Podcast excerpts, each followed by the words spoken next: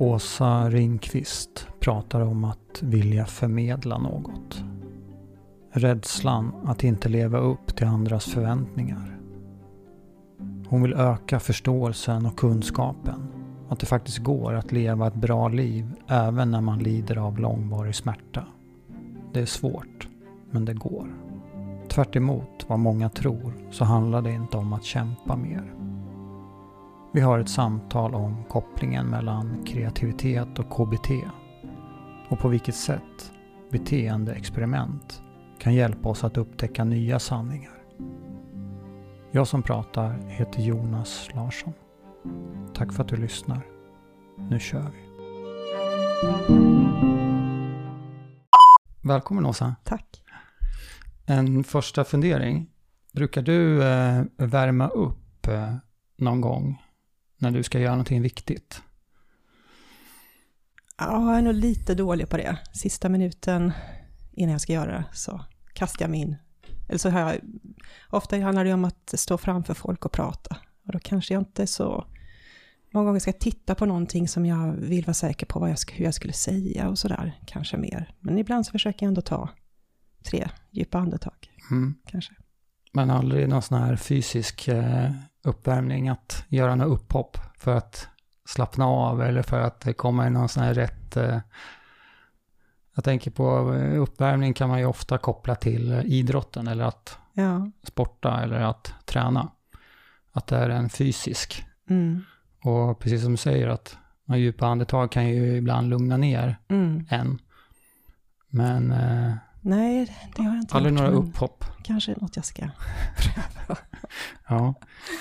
Du är överläkare. Ja.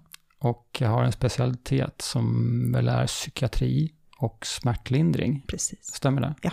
På Skånes universitetssjukhus, ja. sjukhus, heter det så? Mm. SUS. Och det är SUS. Ja. Men det är i Lund? Det är i Lund som vi sitter. På mm. smärtrehabilitering. Ja. ja.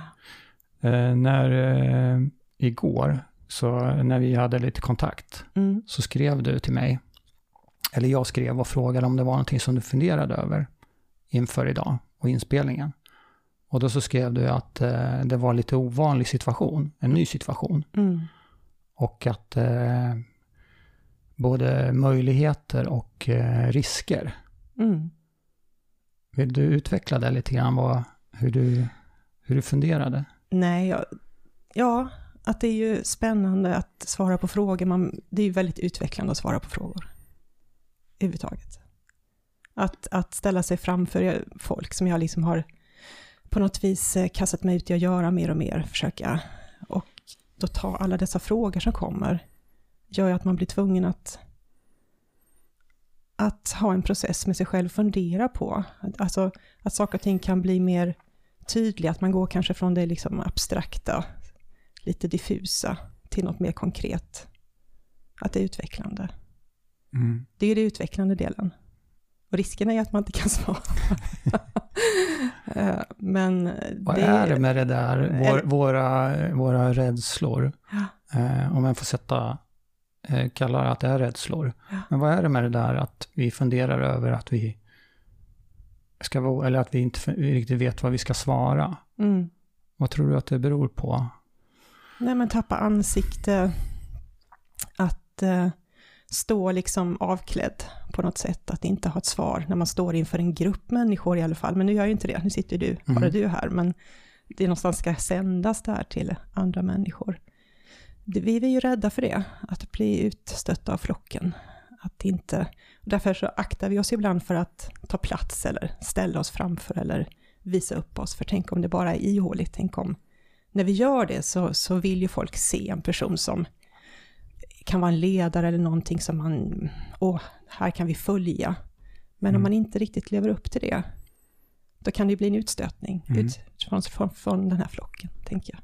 Alltså någonstans är det väl så, kanske, om man ska skulle titta på en grupp, vad det är som händer, vad vi är rädda för. Kan du göra skillnad där på hur du ser på andra eh, kontra hur du ser på dig själv? Alltså de eventuella kraven. Mm. Om, om någon annan inte då är, har stenkoll på och svarar exakt och är den där tydliga. Mm.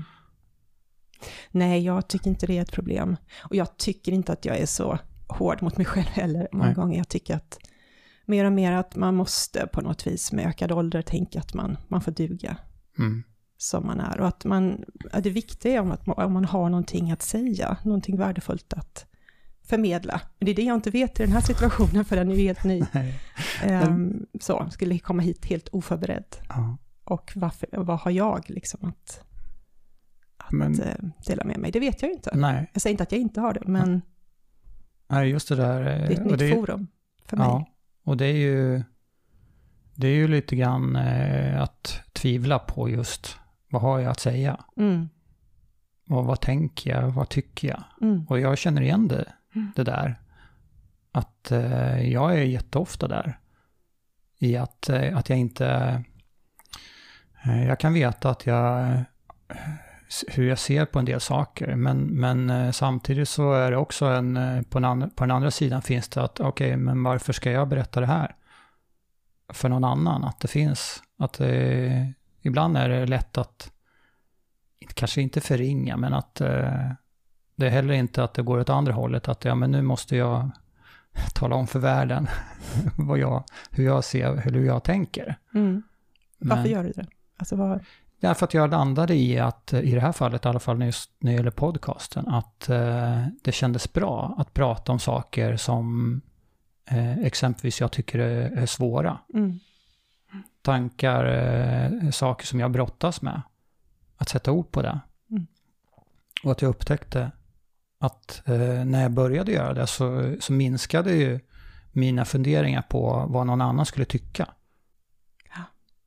Så, men jag skrev ju också i, som, som i där, eh, när, när jag skickade ett mail till, till dig, så skrev jag ju eh, lite praktisk information och sen så just att ja, om du är nervös så, så är det okej, eller normalt skrev jag någonting. För det är jag också, jag vet inte riktigt vad jag håller på med, men jag tycker det är intressant och jag vill försöka göra det här. mm, Eller något sånt liknande. Mm. Och det är väl en, i alla fall tycker jag, en ansats som kan ta ner det där att eh, eh, för att det samtidigt för mig så är det, om det är någonting som jag vill göra, som jag tycker är, finns en utmaning i, då, är, då är, finns det en anspänning. mm, Och då är det en, också, då följer det med en risk mm. i att eh, det inte finns några garantier om det varken kommer kännas bra.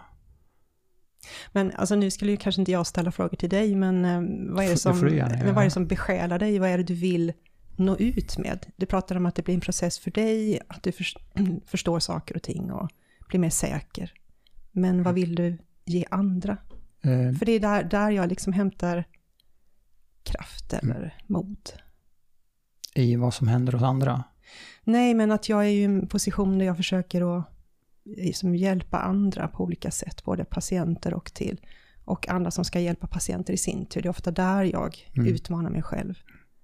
Eh, och då kan jag ju liksom hämta kraft ur att jag vill göra gott eller jag vill hjälpa. Eh, ja, men det är en bra fråga. Men det jag har landat i är att eh, i grunden så börjar det med, med mig själv. Vad jag tycker är intressant och vad jag eh, vill eh, prata om. Och jag började ju för egen del prata med mig själv egentligen. Att jag satt och pratade och spelade in video eh, med en kamera. Så jag pratade jag hade ju samtal med mig själv som jag sen publicerade. Mm. Och där eh, visade det sig då att eh, det var en del andra, inte så jättemånga, Mm. men det var inte det viktiga, att det var en stor publik. Nej. Men det var en del som tyckte att det här är saker som jag också funderar över. Så det hjälpte andra. Ja. Eh, till viss del i alla fall på, no- Mm. på något sätt och att det blev eh, satt igång tankar och andra eh, eh, reflekterade över de sakerna som jag pratade om. Mm. Och Men- sen blev det naturligt då att, att eh, jag vill ha det här samtalet med, med dig Mm. exempelvis. För att eh, få andras perspektiv på det som jag tycker är ja, intressant, viktigt, roligt, eh, svårt. Ja. Och att det i sig, den stora tillfredsställelsen, ligger grunden i att skapa eller att göra någonting, ligger för mig mycket i här och nu. Så det, det är din, ditt och mitt samtal. Mm. Och att det ska kännas bra förhoppningsvis för oss båda och att det ska ge känna meningsfullt att ha samtalet. Det är en bonus om någon annan också tycker det är intressant att lyssna på. Mm. Men det kan inte jag, jag kan inte värdera det eller ta ansvar för att jag vet att det här, det här är jättebra eller det här är jätteintressant för andra. Men någonstans där. Så i grunden att det liksom är lustfyllt med samtalet. Ja, jag älskar samtal. Ja. Att reflektera tillsammans med andra. Ja. Själv, vad, hur, ser du på det? Ja, jag håller med. Absolut. Det är liksom meningen med livet. Ja, det är lite så. Mm. Och Du sa ju just det här med att ställa frågor. Mm. Eh, vad, vad, varför är det där bra? Både till sig själv eller till andra? Nej, men... Nej, alltså det lätta svaret är ju att eh, vara man vill att tänka över saker och ting, försöka förstå saker bättre, att bli mer klar över någonting. Eller få ett nytt perspektiv på någonting. För vi är ju lite bekväma, vi vill gärna bara lägga gammal liksom, kunskap, till, eller kunskap till det gamla och få det att få, som passa till det gamla. Men vill man utveckling, tycker man att det är viktigt, känna att det är en del av att känna sig vital och levande, så, så är det viktigt att känna att man utvecklas. Och det, det gör man ju genom att ställa frågor Mm. till sig själv och till andra och ta emot frågor och försöka svara. Hur kommer frågorna till dig? Har du funderat över det någon gång? Vad är det som gör att du kommer på en fråga till exempelvis till dig själv? Eh, Någonting som Frågor till mig själv. Kanske en jättemärklig fråga nej, i sig. Nej, men, jag ställer, det, det är ju det jag, jag funderar ju ständigt. Det är ju ständigt en slags... eh, Hur kan jag göra det här bättre? Men hur skulle man inte kunna göra? Hur går jag vidare? Hur utvecklar jag det här? Det är liksom en... Eller grunna på. Värsta är när man grunnar på varför, varför, varför blev det så här? Man vill ju snarare liksom tänka hur gör jag? Hur går jag vidare? Mm. Men hur det går till, jag vet inte om det är en medveten process. Var uppvärmningen klar? Jag tänkte vi skulle prata lite grann om kreativitet. Mm. Vad, om du skulle försöka ge dig på att eh, definiera, vad är kreativitet för dig? Ja, jag är liksom inte i den kreativa branschen, känner jag. Så det är roligt att jag får den frågan. Ja, men din uppfattning om, om det, själva begreppet då? Ja. Om vi börjar ehm, där. Nej, men skapar lusta på något sätt, att man vill... ehm, man vill skapa något nytt, tänker jag, i kreativitet. Att man vill... Ja. Jag blir lite ställd, för att ehm, även om det finns med som begrepp, eller så jag visste det, men så har jag inte förberett mig på ett sätt, utan Nej. För vad, vad kreativitet är för mig, alltså hur jag försöker vara kreativ. Eller liksom, Ja, eller, ja, om, om, eh, men du säger just det där att, att skapa någonting nytt, mm, det är kreativitet. mm, Eh, att göra någonting på ett nytt sätt. mm, Och, och det, eh, om jag, jag tänker att, eh, att sk- kanske skulle kunna, vi skulle kunna göra kopplingen till eh, KBT. mm. Men först var jag lite nyfiken på just bara så här om du hade en allmän uppfattning om hur, hur du inte mera, Nej, inte så tänker- mycket att du, eh, hur du ser på det, att Nej, du har men- det i ditt jobb, Nej, utan nej, men det är bra. ja. Nej, för jag tror någonstans att vi alla vill känna oss kreativa. Så. Sen kanske vi, en del av oss dis- diskvalificerar lite grann, att vi tycker inte vi är så kreativa, vi beundrar andra som är det, som bara på något vis gör, bara sätter igång, sätter sig och lär sig spela piano själv, eller måla någonting, eller eh, ja, absolut, eh, min bästa vän från barndomen var otroligt kreativ, och jag älskade att vara med henne. Eh, vi, vi lärde känna varandra när jag var sju och hon var fem. Mm. Eh, och hon bara gjorde, och jag älskar att vara i närheten, för då kunde jag också bli lite kreativ. Jag, liksom, hon, jag hade henne som ett lokomotiv, så hon hittade på, och så hittade jag också på lite grann i kraft av att hon gjorde.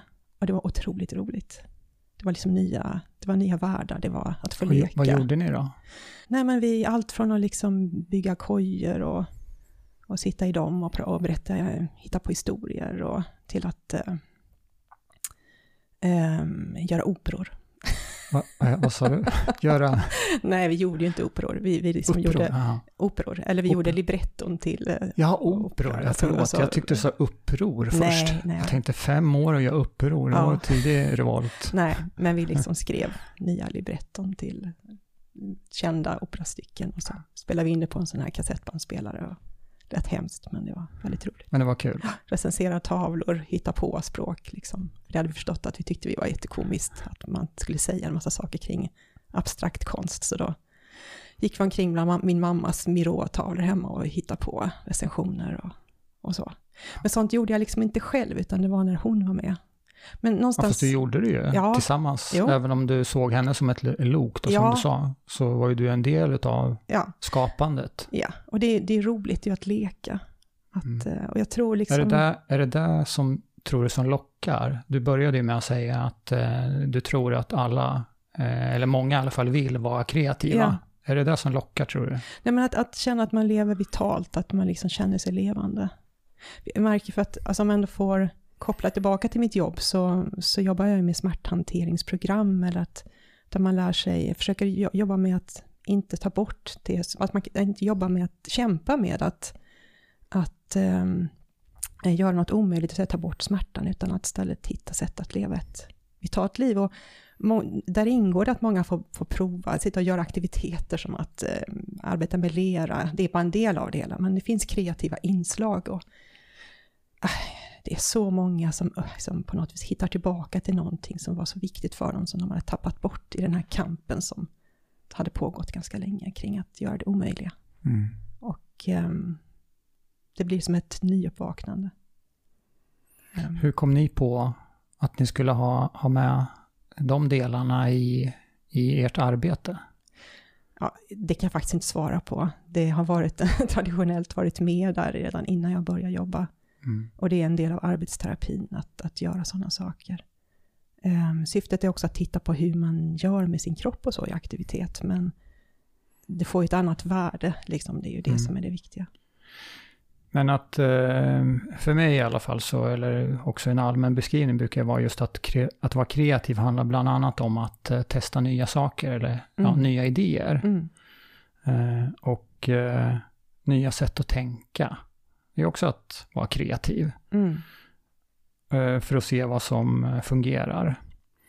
Och jag- det var just den här kopplingen till KBT. eh, För när jag läste om det så finns det väl någonting som heter beteendeexperiment. Mm. Kan du berätta lite grann om vad är det och hur, hur kan man använda det som ett, som, som ett verktyg inom KBT? Alltså det är ju... Ja, nu var jag, ska vi se om jag kan beskriva det på ett korrekt sätt. Beteendeexperiment. Eh, jag jobbar inte så mycket med det själv på ett sätt, men det är ju att man, eh, man har, vi har ganska fasta uppfattningar om att saker och ting är på ett visst sätt. Och ibland kan ju de här väldigt fasta övertygelserna bli ett hinder för oss. Det kanske är, jag kan inte göra det här för då, så.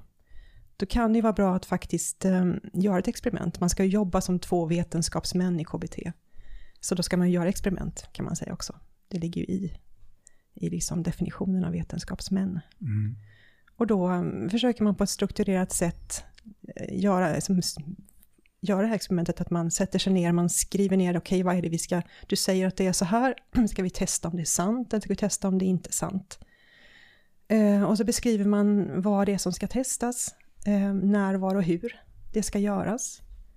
Eh, och, sen så, och sen ska då personen, eh, patienten då, eller klienten då utvärdera det här, hur gick det, vad hände?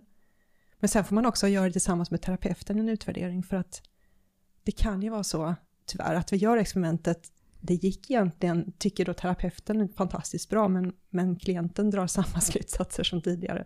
Det är väldigt spännande hur vi har så svårt ibland att, att ändra på våra uppfattningar, även om det finns goda bevis för att det inte stämmer, det vi tänker. Så vi tror, eh, eh, det du säger är det att eh, vi ibland så tror vi hellre på gamla sanningar. Eller det som, Absolut. det Vi- som vi redan är övertygade om Nej, är vi- sant. Ja, vi ackumulerar. vi Ja, vi, vi vill att alla nya saker vill vi få till att passa med våra gamla kunskaper. Varför vill vi det? Men, men det, det, det, det kostar minst energi. Det är otroligt jobbigt att ändra uppfattning. Mm. Det, vi kanske har investerat väldigt mycket i och trott väldigt mycket på en, någonting länge, gjort på ett visst sätt. Och att se att nej men det är inte så. Um, det är otroligt svårt att tro på. Mm. Och det är jobbigt att tro på. Och det kan väcka känslor också. Men hur, eh, de här experimenten, Mm. vad, eh, är det att vi, ska vi utmana oss själva då? Mm. Eller Ja, för, för att, för att eh, experimentera och testa och se om, okej, skulle det möjligtvis kunna vara så att om jag gör så här så mår jag, känner jag annorlunda än vad jag har känt och trott tidigare. ja, dels kommer det ofta ändå när vi gör någonting som är svårt och som vi är rädda för. Mm. ehm, och vi tar oss igenom det. Um, och man, man sätter ju inte upp ett experiment som man tänker att någon är dömd att misslyckas i. Så. Men, man, men så ofta när vi gör saker och ting som är lite utmanande, som är svårt, dels ger det ju en, en kortsiktigt, alltså kortsiktigt så ökar det oro och, och obehag. Men på lite längre sikt, kanske bara efter att vi har gjort det här, så kan vi ju känna oss igen upplyfta, gladare. Och det kan komma ganska så snabbt efter det här tidigare obehaget. Mm. Men på lång sikt handlar det väl också om att vi genom att våga mer, att experimentera mer, så lever vi rikare och vitalare liv. Mm. Har du läst eh, eh, Daniel eller Daniel eh, Kahneman, Nej, eh, Thinking Fast and Slow? Nej. Nej, jag har faktiskt börjat. Vad sa du? Jag började. Ja, jag har inte läst hela själv, Nej. Vilket är inte helt ovanligt hur jag konsumerar böcker. Ibland så hoppar jag in och Mm. läser lite och sen kommer jag tillbaka till det. Men han fick ju, och han skriver ju bland annat om eh, confirmation bias. Mm. Och om jag förstår det rätt så fick väl han Nobelpriset just för hans eh, eh, upptäckt då i just när det gäller bland annat beteendeförändring. Mm. Det jag hör dig säga är eh, att det finns en koppling till Mm. det att vi eh, har så starka övertygelser om hur vi ser på vår situation eller vår världen eller Ja, så att vi, vi... vi har ju byggt upp väldigt stora, massiva byggnader, om man ska säga, av, av föreställning om saker och ting. Och det lättaste är ju bara att bygga på, bygga ut det här. Att liksom riva stora delar av ett av en ta- tankesätt är ju otroligt mödosamt. Och känns ju väldigt osäkert och otryggt. Ehm, och jag tänker inte, det här med, nu vet jag inte exakt vad eh, kopplingen var till ekonomi, men jag tänker allt mänskligt beteende är ju, alltså det handlar ju om allt, allt från det väldigt vardagliga, att vi gärna vill göra på samma sätt hela tiden, det är bekvämt. Om du bara går in och sätter dig på en föreläsning och så tar ni paus, vill du gärna gå tillbaka och sätta dig i samma säte igen, Mm. för det känns bra på något sätt. Det är nästan störd om någon som satt bredvid har satt sig på din plats.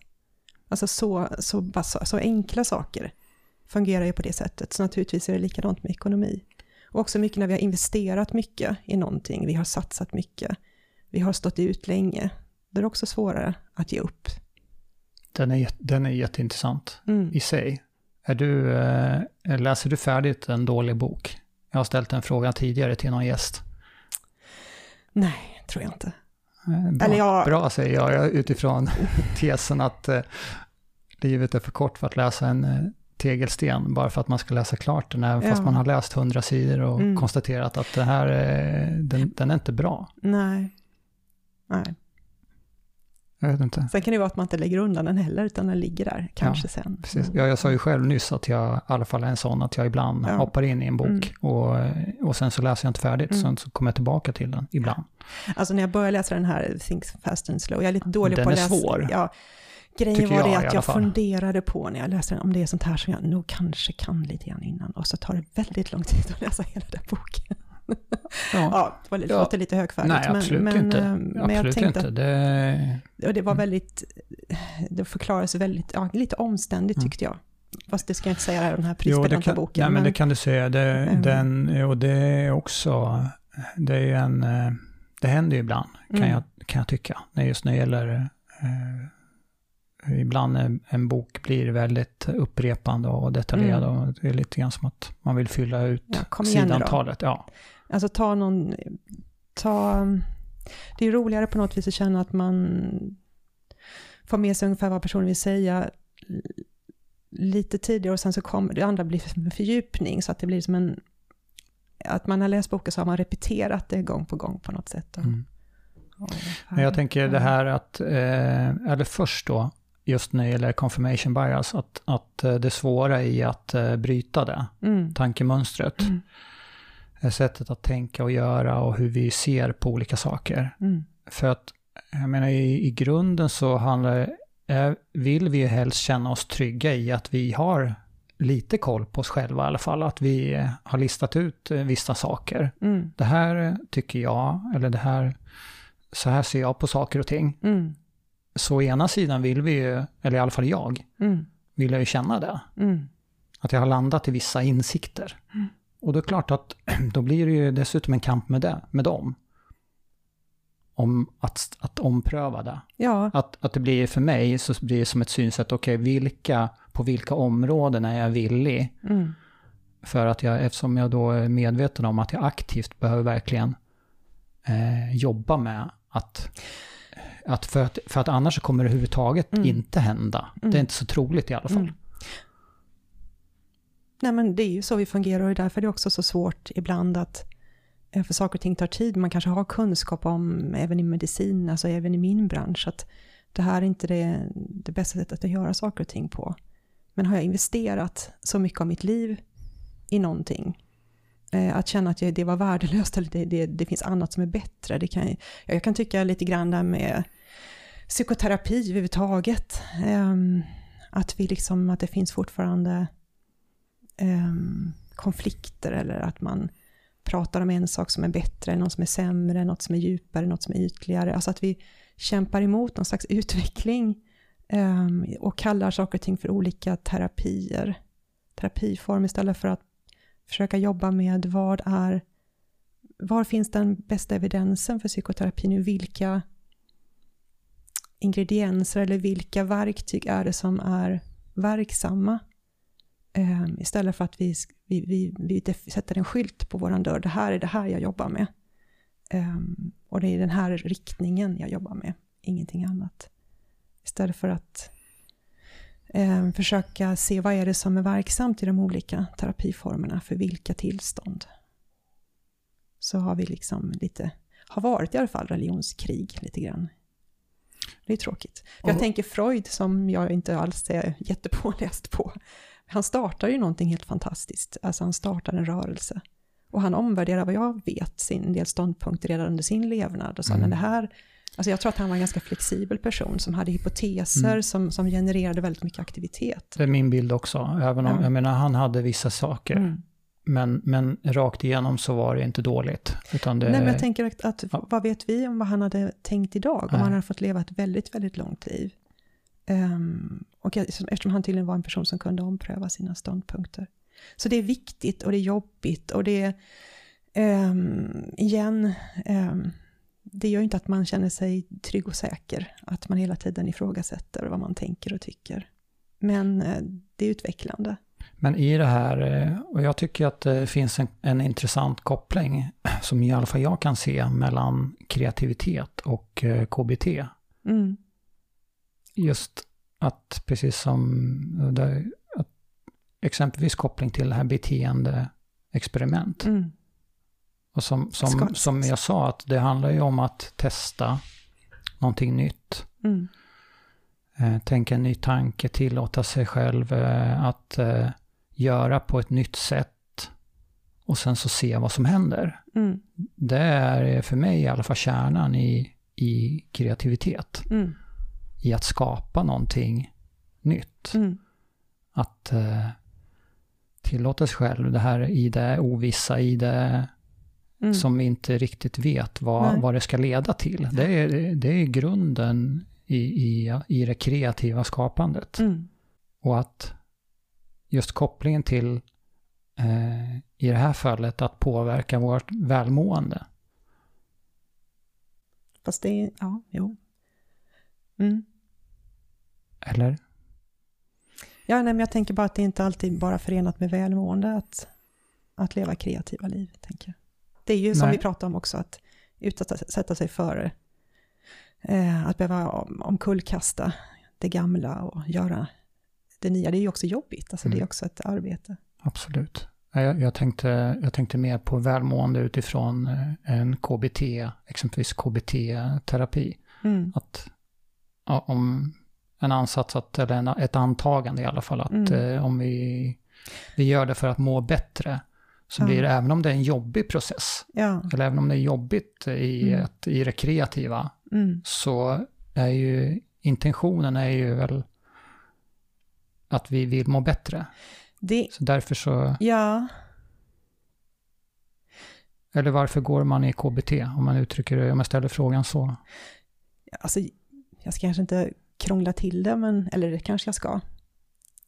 Du Alltså- du får Nej, men välmående, nej men det är klart att man kan må fruktansvärt dåligt. Um, ha, en, ha svår oro som plågar en dygnet runt. Vad jag menar, naturligtvis vill man må bättre. Eh, och naturligtvis är det något som man mäter också, försöker liksom se hur det går. Men ehm, i det här att vilja må bättre så kommer man ju utsätta sig för att stund... alltså, alltså utsätta sig för saker som gör att man, att oro till exempel ökar eh, kortsiktigt. Att våga, man kanske fastnar i olika undvikande beteenden där man behöver utmana sig själv som gör det svårare.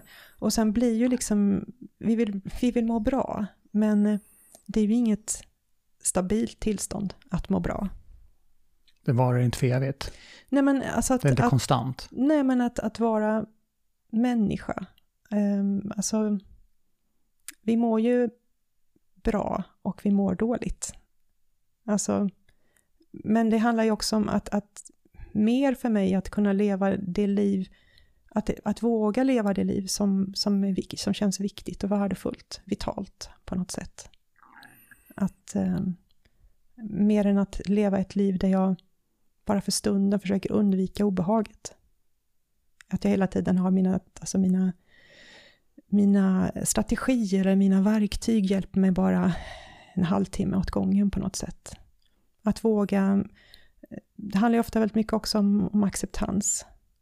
Att våga släppa in och öppna upp och tillåta alla, alla upplevelser, både negativa och positiva. Att inte kämpa emot hela tiden, att vara en strid, vara en kamp mot, med, med, med omöjliga saker. Jag tänkte vi skulle prata lite grann om eh, formsvackor. Okej. Vad är en, eh, vad är en formsvacka? Ja. Nej men ja, vad är det? ja, jag vet faktiskt inte riktigt. ehm, Men om vi tar bort form då, vad är en Ja. svacka? ja. Att ha eller vara i en svacka? Nej, men när man, är, man inte känner någon större lust och glädje i det man gör, man, man gör det ändå liksom. Och man, ja, man tar inte i allt man kan, man som fungerar på sparlåga mer. Och det kan ju vara allt från att man är lite småsjuk eller, eller att det är mm, stressad, sover dåligt. eh, Ja, Brukar du känna efter hur du mår själv? ja sådär. Eller? Nej. Därför jag tänkte på när ni, ni, detta här är mera med formsvacka, det står ju det liksom i din eh, programförklaring.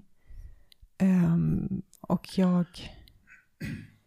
Nej, men, när man jobbar mer så här i, i klinik eller man jobbar på, man har ett inrutat, väldigt schemalagt arbete så, så kanske det på ett sätt skyddar en lite från formsvackor. Det är liksom det man har bestämt man ska göra, det får man lov att göra liksom. Och då kanske det inte blir så en djup svacka heller. Så för att strukturen håller en på något vis också. Mm. Så, så att jag kanske inte hamnar i några sådana djupa formsvackor för jag måste gå upp och sitta på jobbet klockan åtta och göra det där och det där. Och där Mm. Tänker kanske kan vara krångligare om man har ett friare arbete. Och det, det tyckte jag nog för jag har ju forskat i ett antal år och, och för länge sedan och, och sådär. Att Då är det ju liksom när man är mer har en mindre strukturerad tillvaro då är det liksom svårare ibland när man, alltså strukturen håller den inte lika bra. Jag tror det kan vara, jag tror vi behöver struktur. Och frihet. Både och ja. Ja. Mm. Men eh, om du känner eh, ibland att du inte är på topp, Mm. uppmärksammar du det och, och på något sätt eh, låter det ta plats, om jag uttrycker det så, även fast jag hör vad du säger, att du Mm. har ett jobb att sköta. Mm. Men om du inte är riktigt på topp Mm. och eh, energimässigt eller eh, tycker att det är så där eh, livet leker så att säga. Mm. Nej men det är klart att man gör.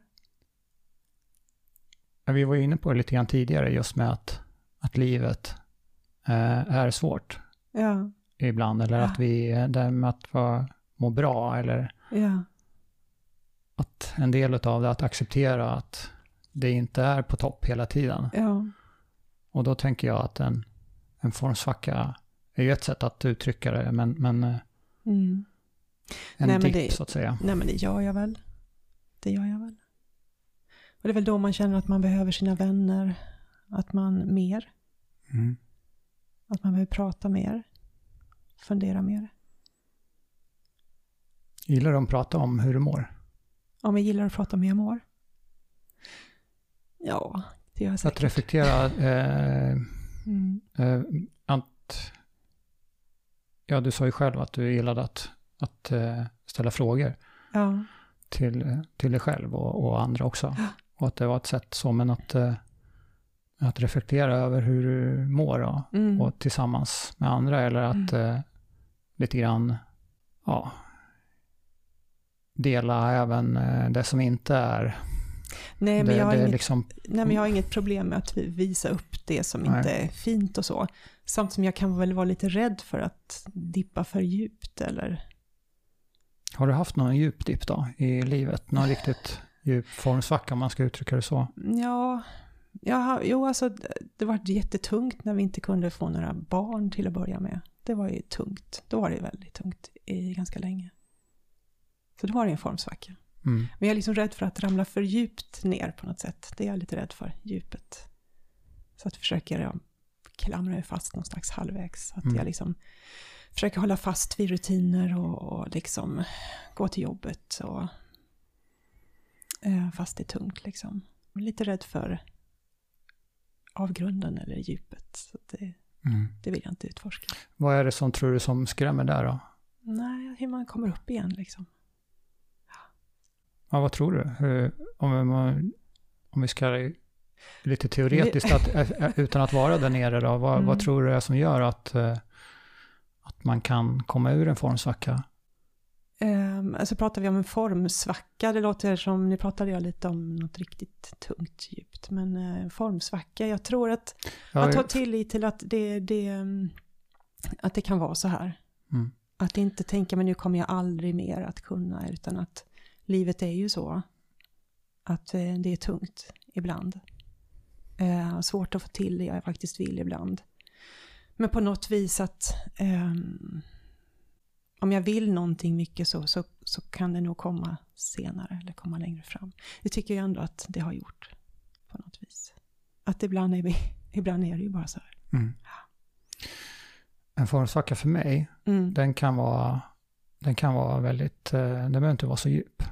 Men en, en djup formsvacka, eh, och då är det, eh, det ligger bara en egen tolkning i det. Mm. Men det kan vara en livskris för mig.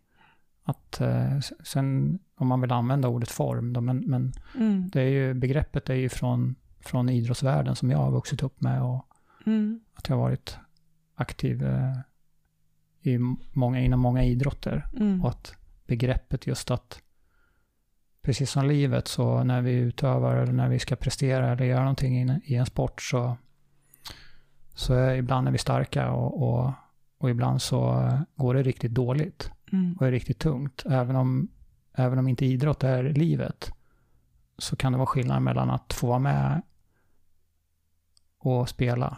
Mm. Överhuvudtaget att få en del av flocken som vi pratade om förut, eller Mm. gemenskapen. Mm. Eller att få sitta på läktaren och titta på. Mm. Och det finns eh, väldigt stora liknelser i, överhuvudtaget i, i livet. Mm. Som jag, jag kan se paralleller i alla fall. Mm. Så att... Eh, så det, det är väl därifrån som jag har hämtat eh, den. Att kunna eh, likna vid att vissa, vissa svackor är djupare och riktigt tunga och svåra. Mm. Riktiga, Mm. riktiga kriser. Ja. Så att, så att jag vill inte använda begreppet formsvacka som, för att jag ser det som något lättvindigt. Det är, det är, inte, Nej, det är nej. inte tanken heller, utan jag ville bara förtydliga det lite grann. För att, för att vi har ju väl alla, gissar jag, och det är därför som jag ställer frågan, vad är en formsvacka? Mm. Just för att jag är nyfiken då på om du, eh, eh, det kan ju vara någonting som kanske inte, kanske aldrig ens har tänkt på det ordet och då blir det ju, Nej, men jag- tillåta jag- sig själv att bara att Ja. reflektera lite kring, kring om Nej, det men jag håller mig nog sådär krampaktigt fast vid rutiner och struktur. Mm. Ehm, För att jag tänker att det är, det är det bästa sättet att på något vis komma igenom det här. Mm. Vara lite snäll mot sig själv också. Ehm, Att säga att man, du är duktig som gör det här. Att du liksom, det här som du gör nu, att du bara fortsätter och kämpa på. Och gör ditt jobb fast det är tungt nu. Det är, det är bra. Liksom, att vara, vara lite fin mot sig själv. Mm. Ja, det är okej att du sen inte orkar så mycket eller att du inte orkar gå och träna lika mycket eller att du, du gör det lite slarvigt. Du går på det här passet. Ja, men du, du kan gå dit, du kan träna, men du kan bara ta de där lätta vikterna. Mm. Alltså så. Just det, lite, lite bättre än inget. Ja, absolut, liksom. Gör, gör det, men, men gör det på ett snällt sätt. Liksom. Att, eh, men försök hålla fast vid.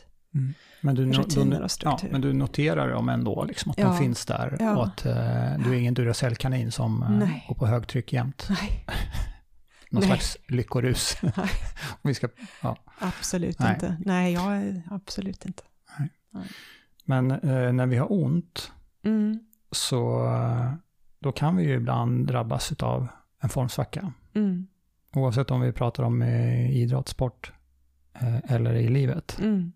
Eh, att det blir tungt. Mm. Vad händer i, i kroppen när vi har ont? Fysiskt, psykiskt? Ja. Ehm, alltså vad händer i oss i kroppen? Det var en stor fråga. Därför att det, det kan vara svårt att veta. Det kan vara olika saker som händer i kroppen på oss när vi har ont. Mm. Det kan bero på många olika saker att vi har ont. Ja, jag, jag, ja, nu förstår jag att den inte var så tydlig frågan. Nej, Och det kanske inte var meningen heller, nej, att den skulle vara. nej, Men eh, vad som händer med oss, inte, inte vad det beror på så mycket. nej. Det är det som är det knepiga, att vi, vi reagerar lite olika. Vi, gör, vi, det, vi hanterar det på olika sätt. Eh, som olika som individer hanterar det på olika sätt. Och eh, beroende på var vi får ont kommer vi också hantera på olika sätt. Eller hur omständigheterna kring när vi fick ont kommer också påverka väldigt mycket. Ehm, så att eh, om jag drabbas av smärta så, så kan det då förhoppningsvis vara så att, att ehm, jag vill veta, jag får ont, jag kanske är uppenbart för mig vad som har hänt, så jag förstår vad det är som har hänt. Eller så är det inte uppenbart för mig vad som har hänt och jag behöver träffa någon och fråga vad är det som har hänt? Och Mm. kanske gå på en undersökning och så. Eh, och sen så eh, med tiden, antingen man behöver göra någonting radikalt åt det eller man säger nej men det här är det självläkning som gäller så, så kommer jag liksom att eh, försöka återta, återfå eh, funktion eller jag försöker liksom att, att alltså konfrontera igen och försöka komma igång igen så kanske jag har ganska stor chans att bli bra igen eller i alla fall att mitt liv fortsätter på ett ungefär eh, liknande sätt som tidigare. Menar, menar du att man, om man, det har gått en, det har gått en liten tid, eller det Ja. har gått en tid rättare Mm. sagt, och så, ja men nu kanske det har gått, gått över, Mm. så testar vi lite, Mm. eller vi känner efter det. Men det kan ju bara vara att jag, jag ehm, plötsligt får ont på ett sätt som jag inte vet varför jag får ont i, i ländryggen. Mm. Ehm, och jag kanske går till doktorn och säger nej men det här är ingen fara säger de. Och så försöker jag liksom ganska snabbt hålla igång lite grann fast det gör ont. Och det kanske gör mer ont. Um, och säger okej nu vilar jag lite grann men så jag försöker igen. Att jag liksom hela tiden har den här inställningen, ah jag försöker igen, försöker igen. Ehm, och då kanske jag har, mycket, har jag lättare att bli återställd och kunna komma på banan bättre. Än om jag ehm, får helt andra för, alltså jag, jag, jag blir väldigt bekymrad Smärta väcker ju rädsla hos alla. Men sen, ja, om du bara kan stanna där lite grann då. Vad, är det, vad är det som händer då? Skickar det signaler till hjärnan att uh, det här är otäckt? Uh, när vi blir, ja, alltså och därför smärta, blir vi rädda? Smärta, upplevs ju inte, smärta är ju inte någonting i kroppen bara. Alltså, vi känner ju inte smärta, vi, vi, sett, vi upplever att smärtan är i kroppen. Men det är inte förrän uh, våra nervsignaler processar i hjärnan som det blir smärta. Och den processen in, inbegriper, eh, det är en enormt komplex process faktiskt. Det är väldigt många olika delar av hjärnan som är involverade i det. Det är våra känslocentrum, vi blir rädda. Vi kan bli arga också om det är någon som slår oss, att vi ser att det är någon som... Mm. Eller vi råkar spika oss på tummen, typ. Eh, men vi blir rädda också. Eh, och vi kan om det är smärta som kommer om och om igen och vi, vi liksom känner att det här kan vi inte, vi hittar ingen väg, då är vi väldigt ledsna kanske till och med. Um, och oroliga. Men sen... För att vi exempelvis, för att vi är oroliga över att det inte ska gå över? Kan det vara en anledning? Ja, det kan det absolut vara, men i och med att smärta väck, alltså smärta kommer att aktivera våra känslocentrum, mm. så att den drar igång negativa känslor. Rent biologiskt om man nu ska liksom, försöka dela in saker och ting, det ska man kanske inte. Eh, men sen så kommer det också vara så att våra tankecentra, våra kognitiva centrum, eh, de kommer också att vara med och processa här. Eh, Vad är kognitiva centrum för något? Ja, det är delar av vår hjärna som sysslar, som har med våra minnen, våra föreställningar, våra tankar att göra. Och det är delar som är bra på att lokalisera var någonstans kommer den här signalen ifrån i kroppen. Och de här håller på att liksom spela flipperspel med varandra kan man säga lägger ett pussel eller? Ja, det kan man eller väl säga. Eller lista ut vad... Ja, eller? Jag tänker mer att de kommer, liksom att, som jag sa, flipperspel, att det kommer, man tänker som en nervsignaler som hoppar runt och hoppar fram och tillbaka med de här olika delarna. Är det synap eh, synapser? Eh, Nej. Ja, jo, alltså mellan nerv, nerv, alltså, synapser är ju den här eh, klyftan mellan två nervtrådar där mm. information utbyts kan man säga. Så, så det finns ju synapser och så i hjärnan, men det är olika nervbanor som, som mm. eh, sträcker sig eh, fram och tillbaka. Det finns kontakt mellan, mellan olika delar av hjärnan. Och då kommer det liksom att skickas nervsignaler mellan dem. Och då kan du tänka dig att om de här har möjlighet att skicka signaler både fram och tillbaka, hitan och ditan, så kan det liksom pågå en, en, ett, ett samtal, ett väldigt komplicerat samtal i vår hjärna, som leder fram hög, till en tolkning. Hög aktivitet. Hög aktivitet. Alltså smärta fångar ju uppmärksamheten. Mm. på något vis och annat blir mindre eh, liksom, på något sätt för att viktigt att processa. Ehm, så eh, som vad jag vill säga är att tolkningen kan bli väldigt kan bli ganska skilt från olika personer, olika omständigheter. Eh, hur smärtan upplevs, hur stark den upplevs. Och någonstans får man ju tänka att, att smärta är ett skyddssystem. Det är, ett det är någonting kroppens, bra i grunden. Det är någonting det ska, jättebra. Eller det har en plats i alla fall. Det, fyller... det är otroligt viktigt faktiskt för ja. vävnadshälsa. Alltså att vi, en del av, alltså att det startar sådana här signaler, slags skadesignaler från kroppen, drar också igång läk, läkande mekanismer ute i periferin kan man säga också. Ehm, men, de, men det är också ett, ett, ett viktigt system för att skydda oss.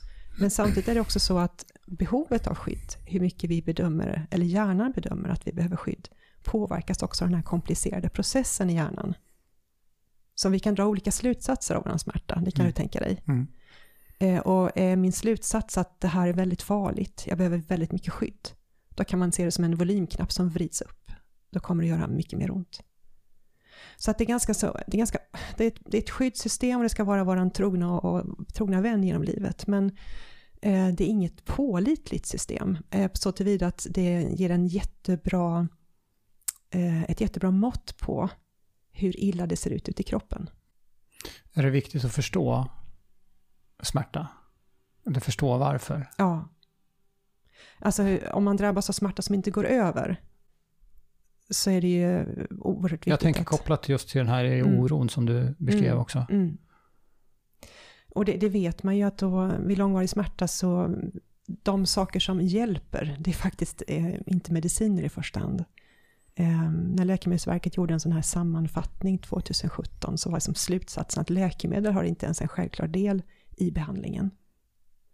Eh, däremot så, de saker som kan hjälpa, det är då fysisk aktivitet. Det är KBT. Eh, och det är att få en, en bra smärtförklaring. Förståelse för att det är andra mekanismer som kommer igång vid långvarig smärta. Eh, att akut och långvarig smärta är inte samma saker. Och förstå det här med att smärta har en skyddsfunktion.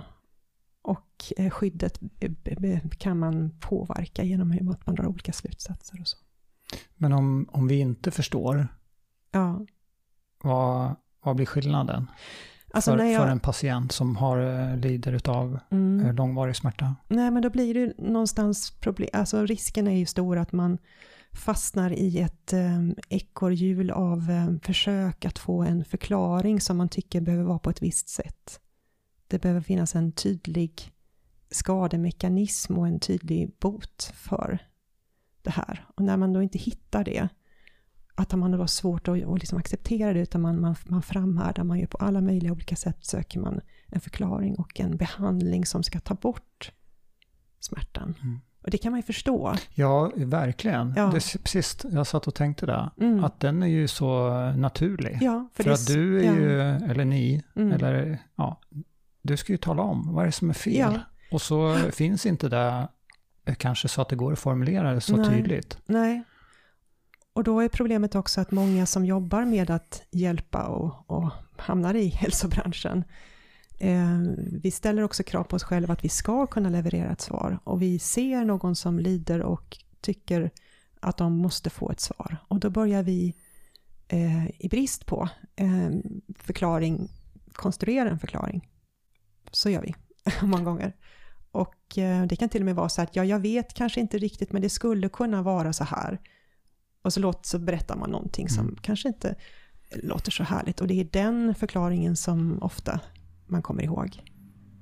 Eh, och många gånger så är det ju då kanske... Ja, men det, kanske, det kan ju bli en del av acceptansen för patienten, tänker jag.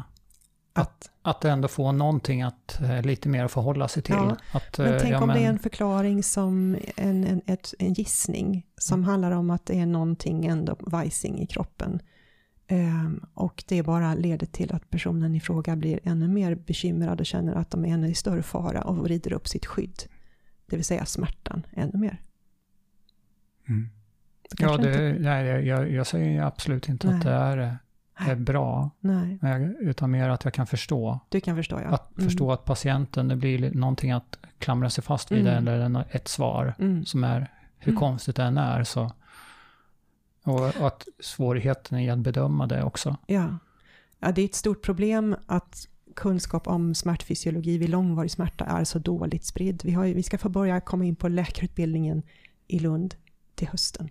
Vi ska få en hel dag om långvarig om smärta. Ja, inte om, utav hur många år? Nej, men det, det, är klart att man säkert får en viss, eh, när man går de här grund, prekliniska får man lära sig lite grann om smärta. Men kunskaperna om smärta är alldeles för dåliga och ändå är det någonting som står för eh, kanske en tredjedel av alla våra liksom, sjukskrivningskostnader som är de stora liksom, samhällskostnaderna mm. till exempel. Samtidigt så har vi väldigt dålig utbildning i området. Och det är igen, att där handlar det också om att vi måste riva stora byggen av föreställningar, både patienter och behandlare.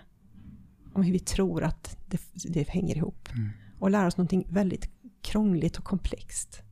Om du ska försöka beskriva. Hur, hur är det att, eh, ja, jag, uppfattar jag rätt om jag gör en skillnad mellan, ja, vad, säger, vad kallar du det om det inte är långvarig smärta? Kan, ja, det är akut, akut smärta. Akut, ja. En smärta en skillnad som... mellan akut då och ja. en långvarig. Eh, hur, om du ska beskriva, hur är det för en patient att, eh, att leva med långvarig smärta? Det, det kan ju vara olika naturligtvis. Um, så. Um, men en del, och det är ju så att det är väldigt olika för att i olika studier när man tittar på hur många det är i vårt samhälle som har långvarig smärta så kan det ligga mellan 20 och 40 procent i olika studier. Så det är jättemånga, var mm. femte person åtminstone har långvarig smärta. Och många av dem träffar inte vi som är i specialiserad eh, smärtsjukvård utan de hittar sätt att ha liv som ändå känns rimliga så det är en mindre del som får det jättejobbigt, som får väldigt svårt att leva bra, drägliga liv, som har en usel livskvalitet. när man mäter. Alltså sämre än, än cancerpatienter i vissa undersökningar.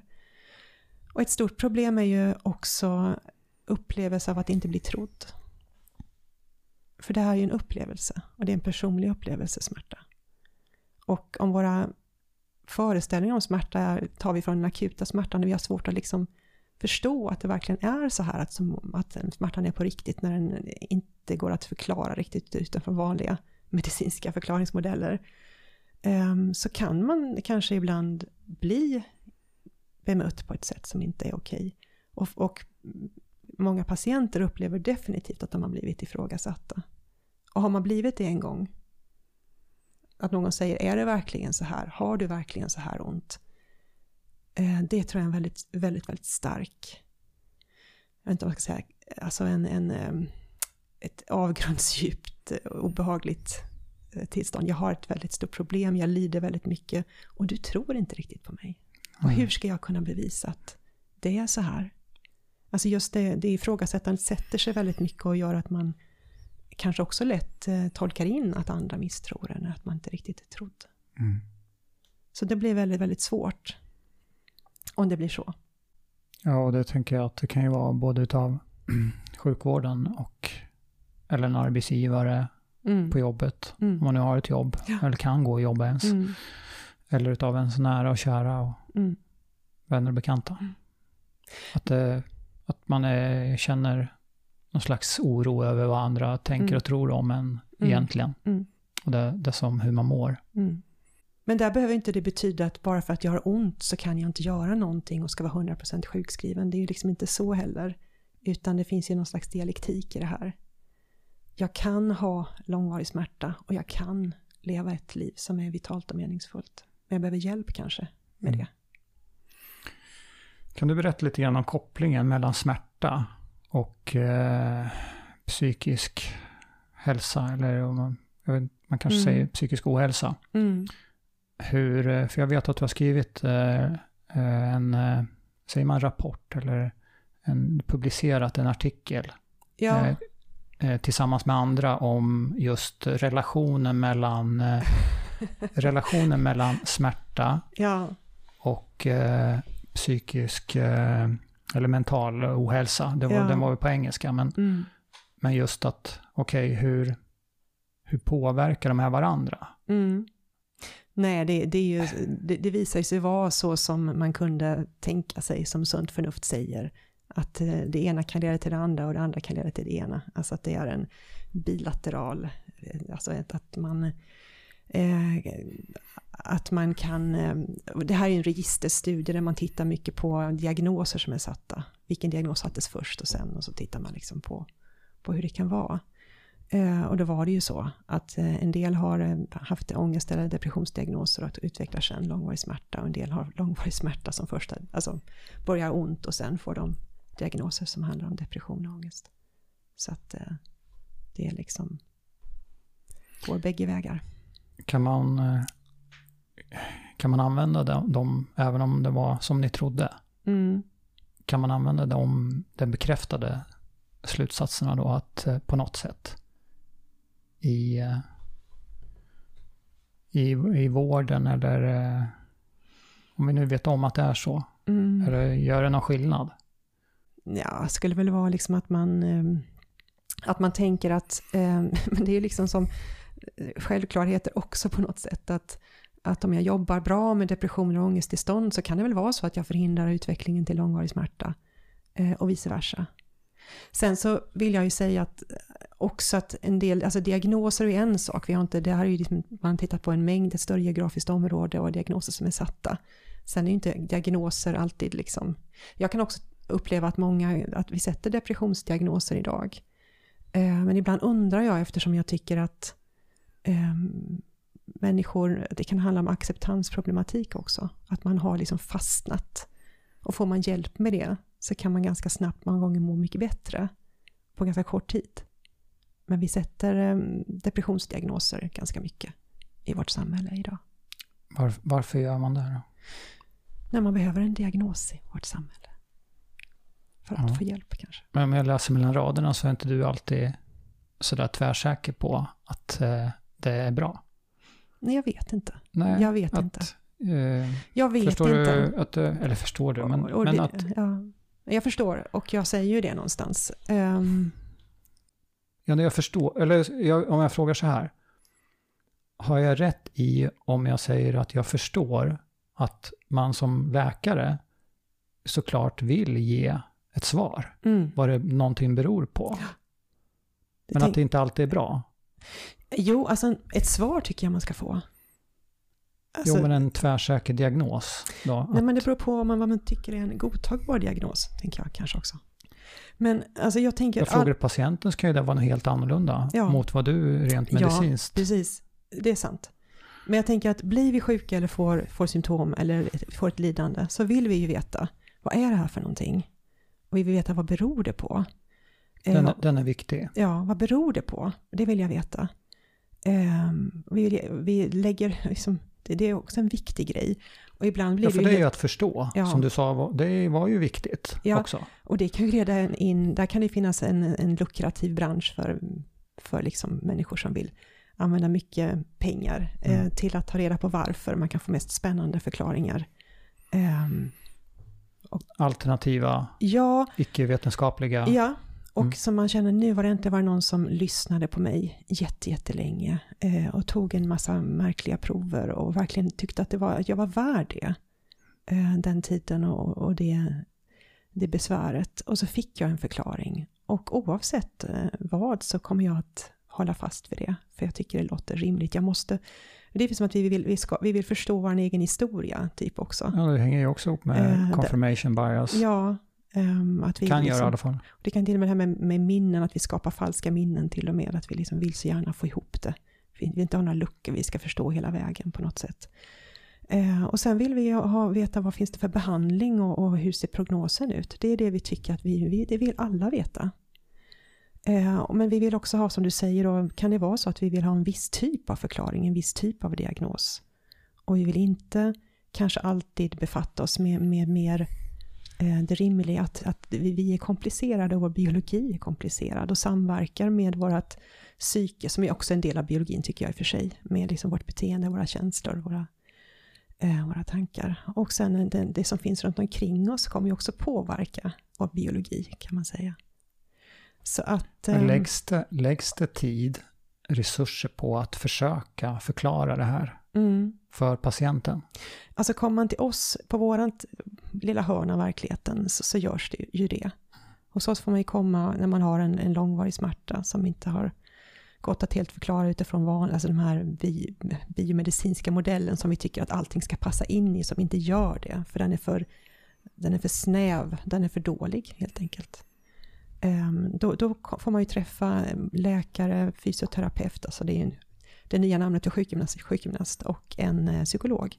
Så man får träffa en hel förmiddag, eh, en och en, och man får bli kartlagd av och undersökt av. Och sen så får man en, en mer, en förklaring eh, som ser annorlunda ut, kanske än det man har fått av förklaringsmodeller tidigare. Och man diskuterar också vad kan vi göra? Och det där är ju Mm. nästa intressanta steg. Mm. Om vi nu, konstaterar att vi eh, drabbas, har drabbats eh, exempelvis i, utav en, en, en riktig formsvacka på grund av att vi har smärta, vi har ont, Mm. vi har långvarig smärta. Mm. Så, eh, så ibland så helt enkelt så klarar vi ju inte själva, eller tillsammans med akut eh, sjukvård, att eh, bli bättre. Eh, och då, vad, vad, är, vad, vad är det som är viktigt då för att kunna må bättre? Eller vad, vad behöver finnas på plats i en, eh, i en eh, bra smärtrehabilitering eller i en, eh, en del i, i det som ni, där ni vill göra så att säga? Mm. Vad, vad har ni upptäckt fungerar och, och varför är det viktigt? Ja, vi försöker ju basera det vi gör på, på den vetenskap som finns då. Ehm, och det vi vet som fungerar det är ju de tre benen då. Eh, att få en förklaring. Att få en, en förklaring som är ju biopsykosocial kan man säga, men bottnar i smärtfysiologi. Bio Psykosocial. betyder? Ehm, Ja, gud vad bra att du ställer den frågan, så blir jag helt ställd. Eh, för mig, ibland det som har blivit självklart för en är svårt ibland att förklara. Det. Nej men att, att eh, alltså, smärta är komplext. Jag, jag beskrev ju för dig liksom att den här tolkningen av signaler som kommer från kroppen är otroligt komplicerad. Eh, och den beror på biologi, den beror på, har jag någon, eh, har jag någon vajsing ute i kroppen, någonting, någon ökad alltför stor belastning på kroppsdelar eller Um, har jag en reumatisk sjukdom med en inflammation i led eller har jag? Jag har saker och ting som sker ute i min, mer i våran vävnaden om man säger så. Uh, men sen så eftersom det är en komplicerad uh, tolkning så kommer också um, mina tankar, mina känslor och mina beteenden att påverka den här tolkningen, mina minnen. Vad jag vet, vad jag tycker att jag vet om smärta. Och det kan vara väldigt olika. Och vi kan ha väldigt olika verktyg i vår verktygslåda att hantera svårigheter och tilltro till egen förmåga att hantera saker och ting. Att jag tror att jag kan göra någonting eller känner jag mig oerhört hjälplös till exempel. Tror jag det allra värsta om, om det här? Tror jag att det kommer att leda till, eh, till rullstol eller någonting liknande? Tror jag liksom att jag kommer bli förlamad av att jag känner mig så stel? Alltså det eh, och sen hur ser det ut runt omkring mig? Hur ser mitt, mina relationer ut? Hur ser min min, hur, har, jag det, har jag ett arbete, alltså ekonomi, allt sånt här kommer ju också påverka mina stressnivåer som interagerar med våra nervsystem, allt det här.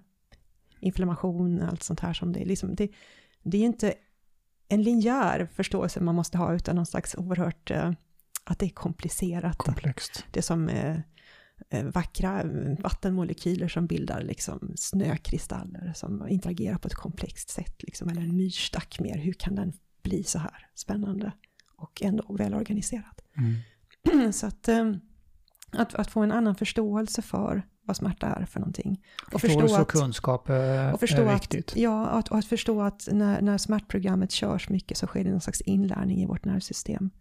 Och, vilket kommer innebära att uh, smärta, liksom, att, att väldigt lite kan leda till smärta. Små, träningsverk kan bli fruktansvärd smärta, som influensaliknande så för att det blir förstärkning av våra nervsignaler. Um, att förstå det här, också, att också förstå att om jag börjar prova, vi pratar om beteendeexperiment, eller att jag liksom börjar experimentera och pröva nya vägar, så kan det på sikt göra att jag får en ny förståelse för vad smärta är. Och den nya förståelsen kan ju leda till en ny inlärning. För vårt nervsystem är också spännande. Det går ju kanske också att minska den här känsligheten som jag har utvecklat, fast det tar väldigt lång tid och kräver väldigt mycket mod och att jag utsätter mig för att få mer ont kortsiktigt och liknande. Så ja, det... för den nat naturliga instinkten mm. kan ju vara att eh, om jag får ondare mm. så går jag tillbaka till att inte göra någonting. Ja. Just för att jag blir eh, rädd eller att det är obehagligt. Ja, man pratar ofta som nästan som någon slags spiral, nedåtgående spiral, att jag liksom på olika sätt så, så skär jag bort olika grenar på livets träd. Jag tar bort sånt som faktiskt för att jag tänker, inte för att jag vill, utan för att jag känner att det är nödvändigt. För när jag har gjort det här så får jag så mycket mer ont, tänker jag. Så då måste jag sluta med det här. Och så tar man bort mer och mer och mer. Eh, men man blir ju egentligen inte bättre. På kort sikt man blir faktiskt på ett sätt sämre och sämre. Eh, men det är svårt att märka det, att det är så. För det går gradvis det här. Ja, svårt att veta vilka grenar ska man verkligen låta vara kvar då? Ja. För det gäller ju livet i stort också. Mm, mm. Att val ja. riktning. Men kanske har jag liksom skurit och, bort alla de grenar som var viktiga och gav mm. mitt liv liksom färg. Och, Så man liksom, ett nytt träd, sätter man ett nytt träd då eller vad är, det, är det det ni gör kan man säga delvis? Det var kanske dålig metafor. Ja, nej, ja. tycker jag inte. Att så ett frö, det är ju att det finns, eh, behöver näring och att det mm. kan växa igen. Och samtidigt kan ju ett, ett, levande träd kan ju faktiskt få, nya, nya grenar kan ju växa ut också. Precis, kan komma um, nya skott. Kan behöver, komma inte, nya skott. behöver inte vara dött bara för att det Nej. kapar några um, grenar.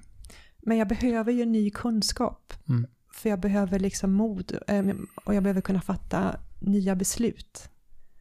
Utmana. Vad kan det vara, vad kan det vara beslut ja. om då? Som det kan vara beslut om att nej men jag har helt slutat med det här för jag har dragit slutsatsen att jag inte kan. Ehm, att jag ehm, eh, fattar ett beslut att nej men det här är inte så viktigt för mig så jag vill försöka hitta ett sätt att göra det här igen. Eh, och jag får börja försiktigt men tänk att jag lägger upp en plan för att göra det här igen. Att jag vågar um, resa mig upp från liggande igen, att jag får ta hjälp av det, för det har jag liksom jag har hittat många olika knep och knop för att jag ska inte, inte utlösa mer smärta, men det har gjort mig mer och mer handikappad, om man säger. Men att jag tar beslut om att eh, göra vissa saker, även om det kan ibland leda till mer smärta, för de är tillräckligt viktiga för mig. Och det, och det måste jag säga, men vi var inne på vad behöver man, för du frågade vad det var som ingick. Och då pratade jag om den här smärtförklaringen som någonstans ändå är en bas. Om jag behöver förstå någonting nytt för att också kunna fatta beslut om att pröva nya saker. Och sen ingår ju då KBT, eh, att lära sig mer om känslor, tankar och beteenden och pröva nya vägar. Och vi jobbar med ACT, då, Acceptance Commitment Therapy. Och då det, kan det vara både just att acceptera Ja, att eh, det finns där, men samtidigt eh, jobba med att förändra beteende. Är, Ja, det, att- är att- det en blandning utav att det? lägga ner kampen, jag tänker på sinnesrobönen tycker jag är så bra. Hur går den? Eh, alltså Gud ge mig sinnesro att acceptera det jag inte kan förändra. Eh, mod att förändra det jag kan. Och förstånd att inse skillnaden. Så det är någonstans grunden i acceptans. Inte, det är inte en passiv handling, jag ger upp, utan det är en aktiv handling. Jag väljer att sluta föra en kamp med, mot det som, att, att föra en kamp mot, med, mot att bli smärtfri. Vilket visar sig vara en omöjlighet kanske för man har haft, haft ont ganska länge när man kommer till oss. Och istället eh, öppna upp för nya, för alla upplevelser och försöka sträva mot att leva ett meningsfullt och vitalt liv. Att det blir min nya strävan, inte att bli smärtfri. Först, alltså att lägga ner den här kampen, först ska jag bli smärtfri, sen ska mitt liv börja. Mm. Vilket gör att många fastnar och blir mer och mer olyckliga. Deprimerade och får ångest som vi pratade om innan. Och får mer ont kanske också till och med. Så acceptans är en aktiv handling. Inte passiv. Det är inte att ge upp. Och jag tänker, när du säger det, så tänker jag att det är ju svårt eh, som frisk Mm. ibland. Ja. Att klara av Mm. att acceptera nuet. Mm. Snarare än att vara... Ja. Och, och då, om vi ska addera att eh, allt som följer med att vara sjuk eller vara smärta, Ja. långvarig smärta, så, så blir det ju minst sagt... Och, och det är ju det som är grejen eh, med mitt jobb. Eh, som är den stora kicken jag får. Eller den stora liksom, berusningen som ibland Det inträder som gör faktiskt. att du vill gå upp på morgonen. Ja, det är att jag ser människor som har jättetufft. Alltså som har det riktigt jobbigt. Och jag ser dem göra så svåra saker. Ehm, och jag tycker det är så fantastiskt att få vara med på det. Mm. Alltså de många sover till exempel väldigt, väldigt dåligt. Och ehm, i, liksom, jag får med det på något sätt i de ganska korta samtal jag har med dem, att kartlägga sömnen. De får lite sömnteori och så. Och så sover de, de kan inte somna, det tar lång tid att somna, de vaknar mycket på natten och kan inte somna om. Och, alltså usel sömnkvalitet. Och så designar vi då en sömnbehandling som kan se ut som att de ska gå och lägga sig klockan ett och stiga upp klockan fem till att börja med. Och hålla sig vaken resten av dygnet. Och alltså de gör det. Alltså det är så De fantastiskt. kämpar. Eh, och för att det första steget är ju att få, få bort den här, då, alltså få, få den här lågkvalitativa sömnen att bli en, en sömn med kvalitet, där jag kan somna ganska snabbt och kan sova utan att ha långa vakenperioder. Och då kan det bli så extrema tider som de får, faktiskt. Det är inte helt ovanligt. Och sen när man får till den här kvaliteten, då kan man börja lägga till en halvtimme åt gången av tid i sängen. Eh, och de gör, de, här, de gör det här. Ibland så när jag sitter och föreslår det så kan jag ju nästan skämmas över att behöva komma med sådana förslag till Mm. personer som har det jobbigt. Men eh, alltså det är rätt otroligt vad man kan göra om man är motiverad och har ett stöd för de jobbar i grupp, vi jobbar med grupper, stöttar varandra mycket. Och gör vi kopplingen eller knyter an till det som vi pratade om tidigare, Ja, med just med confirmation bias, så tänker i alla fall jag att om jag nu har en uppfattning om att eh, eh, så här, de här tiderna, eller nu, jag ska gå och lägga mig vid den här tiden mm, och gå upp, eller ja, Mm. alltså att våra rutiner och våra vanor mm, när det gäller sömnen mm, är väl ofta ganska konservativa. Eh, och, och kommer du då så, så blir det ju väldigt brutalt Mm. annorlunda. ja, Men att det är precis det som mm, jag hör dig säga att det kan vara en, en, ett sätt att vända mm, den dåliga sömnen. Mm. Men där har Istället vi, för att kämpa på att ja, Ja. Men jag, ja, men jag går och lägger mig klockan tio ja, och så vaknar jag klockan halv tolv. ja, Och så gör man det varje kväll i princip. mm. Och så, ja, då För blir det ju så. För det sitter som berget, Ja. att man ska gå och lägga sig i tid. Ja, Om man ska vara, få en bättre sömn ska man lägga sig i tid. Det har, Mm. många, det har man fått med sig från när man är liten, att man ska inte gå och lägga sig för sent. Men det är faktiskt det som många behöver göra. är, du, är du själv kvällstrött eller är du pigg på kvällen? Ja. Behöver du kämpa med att komma i tid i sängen eller behöver du kämpa med för att Nej, orka vara i- uppe till du enligt någon slags anständig tid att det är Mm. okej att gå och lägga sig? Nej, men jag vill, jag vill inte, eftersom jag ändå förs- försöker leva lite som jag lär, försöka stiga upp ungefär samma tid. Ehm, och det gör inte så mycket om jag kommer i säng sent, alltså det viktiga. Och det är ju det, ju äldre vi blir, ju mindre kan vi sova, tyvärr. Mm. Så att vi måste liksom ändra vår uppfattning också om hur mycket tid vi ska vara i sängen, ju äldre vi blir. Annars får vi dålig Be- sömn Behöver vi biologiskt mindre? Alltså, man, det, eller det är där- fysiskt? eller vad säger, hur uttrycker man sig? Ja, man kan säga antingen jag har ett, man får lägre sömnbehov eller man kan säga att man har sämre förmåga till sömn. Alltså, det vi- första lät ju lite mindre Jobbigt. jobbigt eller dåligt om man Ja. nu ska, utan att värdera egentligen. Ja. Men, men utan att värdera det kan man ju säga att när vi strävar mot att, för de flesta av oss är det så, att om jag tänker att jag har ett sömnbehov på åtta timmar och jag tänker att det är konstant genom livet så kommer det leda till att jag kanske utvecklar dålig sömn.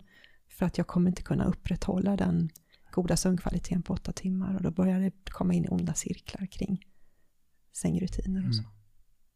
Träningen då? Mm.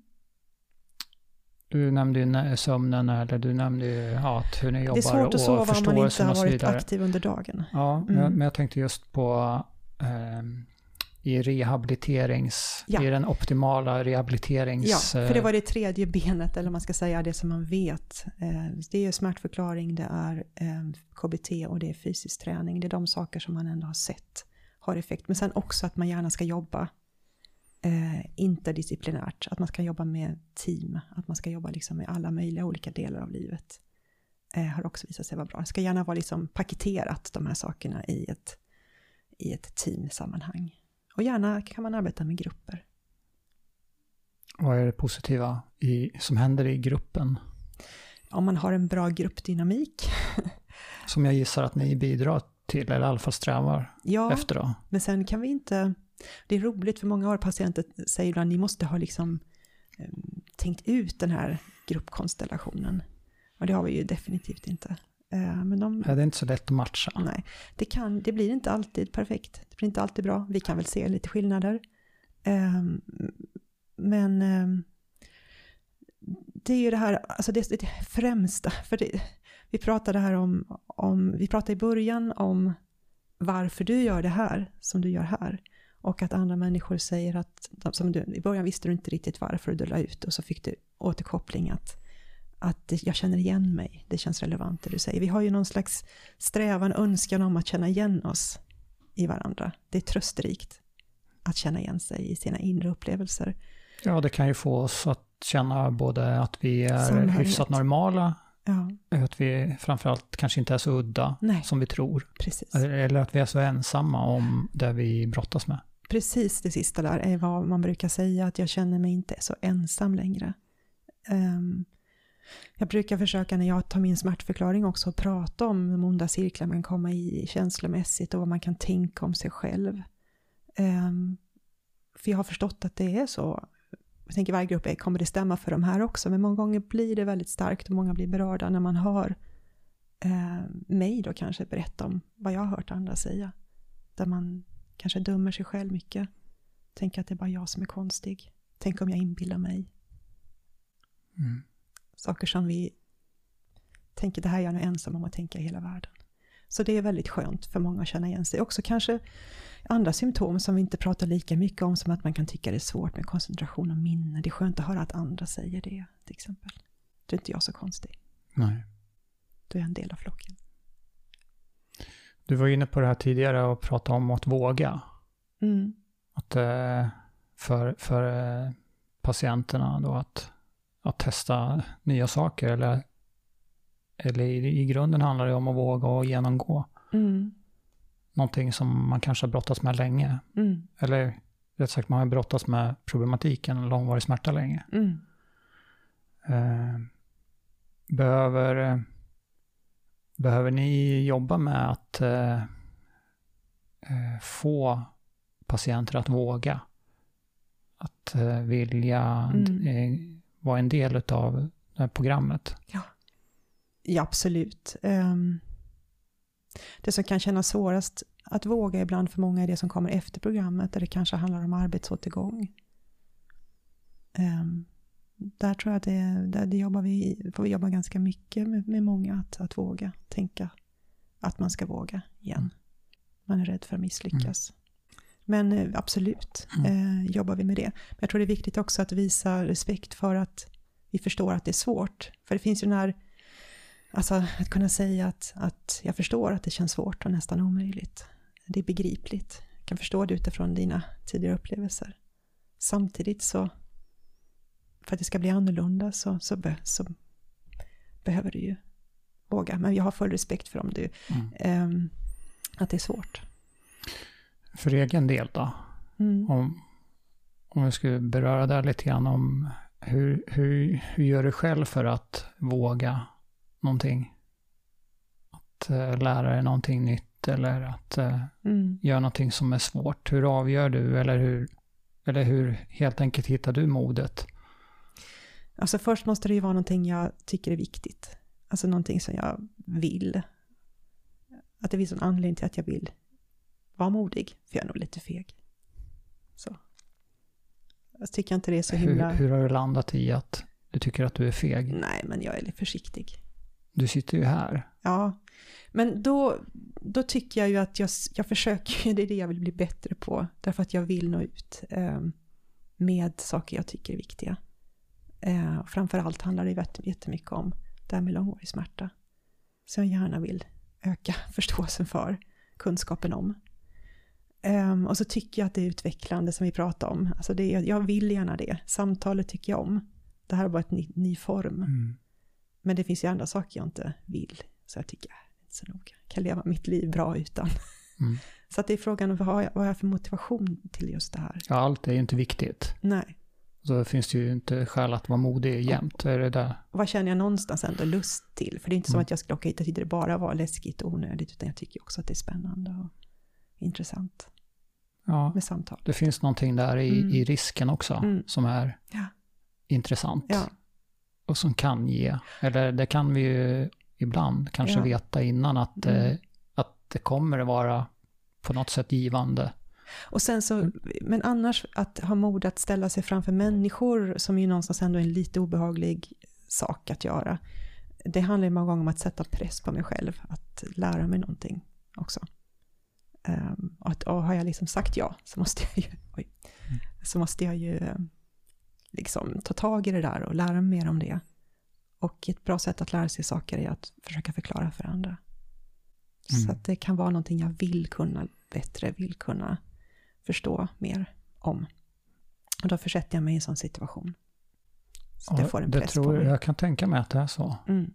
För att eh, vi ska säga undervisa eller att föreläsa eller att prata om någonting. Att försöka dela med sig av insikter och kunskap. Det är som du säger, det är, eh, det är ett väldigt bra sätt att bli bättre Mm. själv. Och det är ju roligt att kunna saker. Ja, och det är eh, både svårt och roligt att Mm. försöka sätta ord på att förklara eller att eh, dela med sig av någonting som man tycker är intressant eller Mm. viktigt. Det, ja, men det upplever i alla fall jag. Mm. Jag tycker att, inte att det är enkelt alltid att eh, sitta så här och att ha det här samtalet. Jag vet inte alltid vad jag ska säga. Nej. Så det är ju det är jobbigt också. Och att kunna tillåta sig själv att eh, det är, är inte bara okej utan att det till och med är bra. Mm. Eller normalt att både känna så men att ändå kunna vilja göra det. Mm. Att det inte behöver vara perfekt. Nej, men det kanske blir bättre. Ja, det är ju svårt att se att det ska bli sämre. Ja, Om, det, om vi nu eh, kan, kan landa i eller känna att vi tycker att det är intressant här och nu. då i efterhand så, ja då, det är klart att någon annan kan tycka det, precis som jag var inne på tidigare. Att någon annan kan tycka att det kanske inte är så bra. Mm. Och det är okej också. Det kommer ju alltid vara någon som tycker det. Ja, Ja, vi kan inte styra. nej, så är det. Ehm, du, vi- du pratade lite grann om tidigare, eller du sa så här, eh, att vara i, i den här gruppen då, eller att eh, börja eller vara med, delta i det här programmet. Mm. Eh, Så, så, eh, eller du sa inte det, men jag tänkte att eh, det kan finnas en hel del förväntningar från patienten. Mm. Och ibland kanske inte. Att, ja, Mm. att det kan finnas både och. Mm. Att en, ibland en uppgivenhet att jag har redan provat allt. Mm. Och samtidigt så, ja, men nu kanske. Mm. Och jag tänker att eh, hur, hur jag är lite intresserad av att höra hur du, om du har någon syn på eh, förväntningar. Eh, att, för att förväntningar kan ju ställa till det. Mm. Att vi har förväntningar på hur bra någonting ska bli. Ja, Och det kan ställa till det också om vi har exempelvis ja, katastroftankar. ja. Det är någonting Ja. som vi är intresserade av, katastroftankar Det- hos oss. Ehm, Hur, hur, hur kan man tänka och se på förväntningar och hur det påverkar oss? Precis, alltså nu skulle jag kunna prata om förväntningar utifrån ett smärtperspektiv. Ja, gör det. Du får välja vilket För att perspektiv du vill. förväntningar är en av de saker som är väl beforskat, att det påverkar smärtnivåer till exempel. Ehm, alltså det är placebo. Placebo är förväntningar, eller nocebo. Placebo är förväntningar på att någonting ska minska. Ehm, Att vi tar ett piller. ja, och nocebo är ett förväntningar att någonting ska öka min smärta. Kan du ge ett Eh. exempel på en nocebo då? Nej, men om jag eh, vrider min eh, rygg eh, så här så kommer jag att få jätteont. Eh, jag kan inte lyfta, jag kan inte öppna den här tunga dörren och ta, ta, ta och rycka i för då kommer jag. Jag vet att då kommer det här att hända. Alltså jag, eller jag kan inte sitta här nu eh, och prata med dig för jag vet att om sex timmar exakt så kommer jag få fruktansvärt ont. Alltså så, så kan ju patienter tänka. Jag har väldigt tydliga förväntningar om det. Eh, och då säger jag ja eller inte. Alltså jag kan inte svära på att det inte blir så, men jag försöker så ett tvivel. Mm. Ehm, och tvärtom, alltså att man tror att ehm, det kan ju vara så att man använder mediciner som man tänker minska smärtan. Och då kanske de gör det. Alltså jag upplever att de gör det, men beror det på den här aktiva ingrediensen i tabletten eller beror det på de kemiska reaktioner som startar i min hjärna när jag tror att någonting ska fungera? För den, den effekten motsvarar ju kanske någonstans mellan 3 och 5 milligram morfin har man då försökt mäta. Liksom, den här förväntan drar igång med, liksom, kemiska processer i hjärnan som har en analgetisk effekt. Så då kan det ju vara också att vi jobbar med det här med förväntan. Ah, ska du prova att inte ta Alvedon fyra gånger om dagen? Inte för att det är något stort problem, så. men ska du prova ut den? Vad händer då? Alltså, i det lilla och i stora, att liksom försöka öka flexibiliteten och skapa nya tankar, nya upplevelser av att saker kanske inte är riktigt som jag tror. Men sen kan man ju, handlar om förväntan att komma in i vårt program så är det viktigt att man inte tänker att här ska jag komma in och så ska smärtan minska. Om man har förväntningar om att eh, det här programmet ska innebära att eh, om några veckor så kommer min smärta ha minskat betydligt så kommer det vara en krånglig sak att gå in i. För att, eh, så att det är vi väldigt tydliga med redan från utredning att det här handlar inte om att här ska vi minska smärtan, det handlar om att, att eh, leva ett, ett, att få ett sätt att livet att bli bättre. Eh, och det kommer vara så att du till och med kanske får mer ont eh, under i alla fall första halvan av programmet. Så att, men sen kan det ju vara andra runt omkring, arbetsgivare, liksom, som de har förväntningar som är jobbiga för patienten om att man ska komma ut rehabiliterade och smärtfria efter våra fem veckor. I själva verket är det ju så att som jag pratade om att det handlar ju om att ja, det kan hända. Eh, En annan artikel som lite senare som vi fick ut var ju att konstigt nog så verkar det liksom på ett års tid som att en av de saker som ändå påverkas mest är ändå smärtan. Mm. Men smärta är ju en komplicerad upplevelse också, så vad, det, vad mäter vi? Det vet vi inte exakt. Men, men någonstans kan det ju ske en ny inlärning eh, när man vågar, provar och utsätter sig för större risker och upplever att man kanske inte är riktigt så eh, ute i så stor fara. Man kanske inte behöver riktigt så mycket skydd som man tänkte att man behövde. Man kanske kan göra mycket mer saker och det fungerar för mig. Det kan påverka hela nervsystemet faktiskt. Jag tycker det där är väldigt intressant också. Och man kan applicera det här utanför smärtrehabilitering. Eller att jobba med smärta. Mm. Så jag personligen i alla fall Mm. har upptäckt att ju lägre förväntningar jag har, Mm. desto lyckligare blir jag. Mm. Så ju lägre förväntningar på att någonting ska vara på just ett speciellt sätt, ett, så, så, så blir jag oftast bättre. Det kan ju också vara att man förhåller sig mer säger, medvetet närvarande som man pratar om. Att jag inte värderar är- saker så mycket utan jag, jag låter saker, jag, släpper in och öppnar upp för alla möjliga slags upplevelser. Eh, och jag försöker vara här och nu. Mm. Hur ser du själv på förväntningar? Alltså för egen del, har du förväntningar på hur veckan ska bli eller vad som ska hända helgen eller på semestern eller sådär? Om vi tar några sådana förenklingar eller några vardagliga. Nej, inte så mycket. För att eh, Jag har mer så förväntningar på hur det ska bli att gå på den här fotbollsmatchen än de där stora, vad ska semestern? Så jag tror inte att jag... Det var nog mer när jag var yngre. Att jag liksom, mm, Det var en sak som blivit bättre, kanske med åldern. kanske är lite, vi kanske får hjälp av åldern eller erfarenheten Mm. att, att se, att vara här och nu. Mm.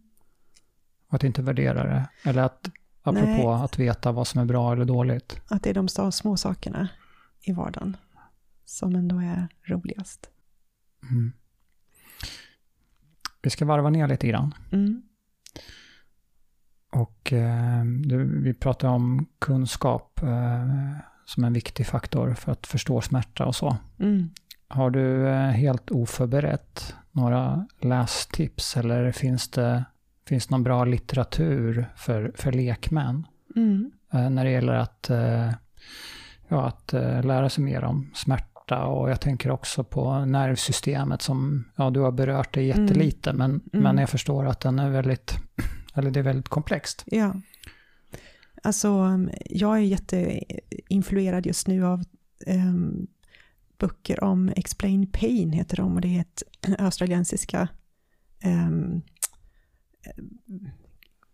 Eh, författare som har skrivit, då, en som heter Lorimer Mosley, som är fysioterapeut, men också kan jättemycket om neurovetenskap, och David Butler.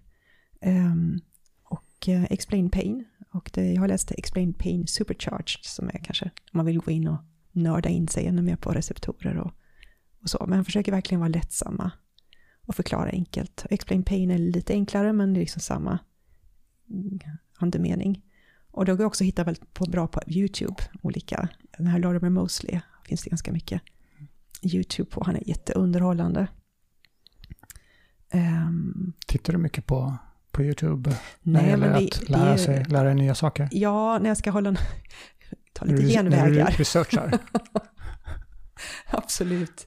Försöker ju läsa då, tvinga mig själv att läsa också. Ja. Men eh, det är jättebra att titta också på olika personer. Mm. Men inte jättemycket. Men eh, jag har lyssnat på honom till Jag, exempel. när jag googlade dig, Ja. eller så här, det, det låter inte så bra att säga så, men när jag eh, gjorde min research, Mm. förberedde mig inför det här samtalet, då, Det är helt okej att du googlar. då hittade jag eh, en föreläsning Ja. med dig Mhm. som jag tittade på. Och den, var in, den var inte tyvärr på YouTube, men, men eh, jag hittade den ändå. Ja, Och att, eh, jag vet inte publiken, men jag lärde mig massor. okej. Eh, Kul. Nej, det, det blir ju Så- mer och mer så att de, video, de spelar in på video. De Mm. går inte så lätt att hitta, för det finns scener som jag har ändrat min förklaringsmodell lite med. Ja, Att vara mer Lorimer Mosley, Butler-aktig. Så. okej. Mm. Eh, så det var för Ja, ett år sedan, så nu om- pratar helt annorlunda. Ja, fast här det var, den var från förra året tror jag. Och Ja. då var det ju, du pratade bland annat om de här tre olika benämningarna på smärta mot, jämfört Ja, ja, med fyra tidigare. Mm, och, mm, mm, jo, och precis. du pratade om eh, Ja. ja, nociplastisk och Men som själva- i sig var superintressant. Så det hade Ja. jag jättegärna pratat mer om idag. Ja. Men just det här plastiska som jag Ja. fastnade för väldigt Ja. mycket i, i, i förståelsen för att, Att när just när är är plastiskt. Ja. Alltså det är omformningsbart. Det är svårt att bli helt det tycker jag gav smärtfri. hopp. Det tycker det gav Ja, hopp. eh, Någonstans är det ju ändå så att, alltså vi vet inte, vi- mycket vi inte vet, men vi vet att nervsystemet är plastiskt. Mm. Ehm, och att, ehm, att man kan utveckla en ökad känslighet eh, på grund av eh, den här plasticiteten. Men någonstans så är det ju också så att det, det går ju att lära nytt. Det går ju att lära sig, spela, lära sig spela nya instrument även om man är gammal. Kanske inte lika bra, men ändå. Vi kan ju träna upp, men det krävs ju jättemycket tid och massor av mod och massor av arbete. Eh, och men någonstans är det ändå det krångliga att det vi gör ska inte vara i syfte att minska smärtan, för då är det ändå så att vi, alltså det är ju, jag säger emot mig själv ibland känner jag, men eh, Ja, men det är ju för att det finns, att det är paradoxer. det är en paradox, det är någon Ja. dialektik i det. Att någonstans det, det går, på sikt kan det vara så att din smärta blir bättre. Eh, Kanske inte försvinner, men det kan hända att den blir bättre. Det kan vara så. Och samtidigt så är det viktigt att du jobbar mot att, eh, inte jobbar, ditt främsta mål är att minska smärtan, för då kommer det inte att bli så. Nej. Kan jag nästan säga. Utan men när du vågar tvärt, emot utsätta dig kanske ibland för mer smärta för att det är i syfte att göra någonting som är viktigt för dig. Eh, att du vågar Så utforska. kan det öka eller höja livskvaliteten.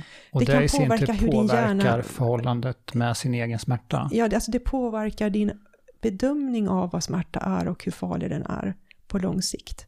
När du blir mer medveten om dina tankar, dina beteenden eh, och vågar alltså pröva, experimentera och göra på nya sätt. Och, i, och i, faktiskt i syfte att, att leva det liv som du, så, så bra som möjligt, det liv som du vill leva utifrån dina värderingar. Då kan det göra någonting med det här skyddet som smärta är, hur pass mycket det är uppvridet. Alltså att, att man kan säga att smärtsystemet har blivit överbeskyddande. Mm. Det går kanske på sikt att, att minska det här överbeskyddet, men det, det går via att träna hjärnan på andra sätt än att hela tiden söka smärtminskning, smärtminskning. För det signalerar ju fara också, att, att hela tiden söka smärtminskning. Och det är det vi behöver ändra på. Ja, nu blir det ändå lite rörigt. Nej, det tycker jag inte. Nej. tycker jag absolut inte. Jag tycker det blev en sammanfattning. Och jag hör, jag hör väl förmodligen andra saker än vad du själv hör när du förklarar. Ja. Eftersom vi, jag inte har kunskapen som du. Nej. Men jag hör ju det här i, i det svåra och i både att kämpa och att acceptera.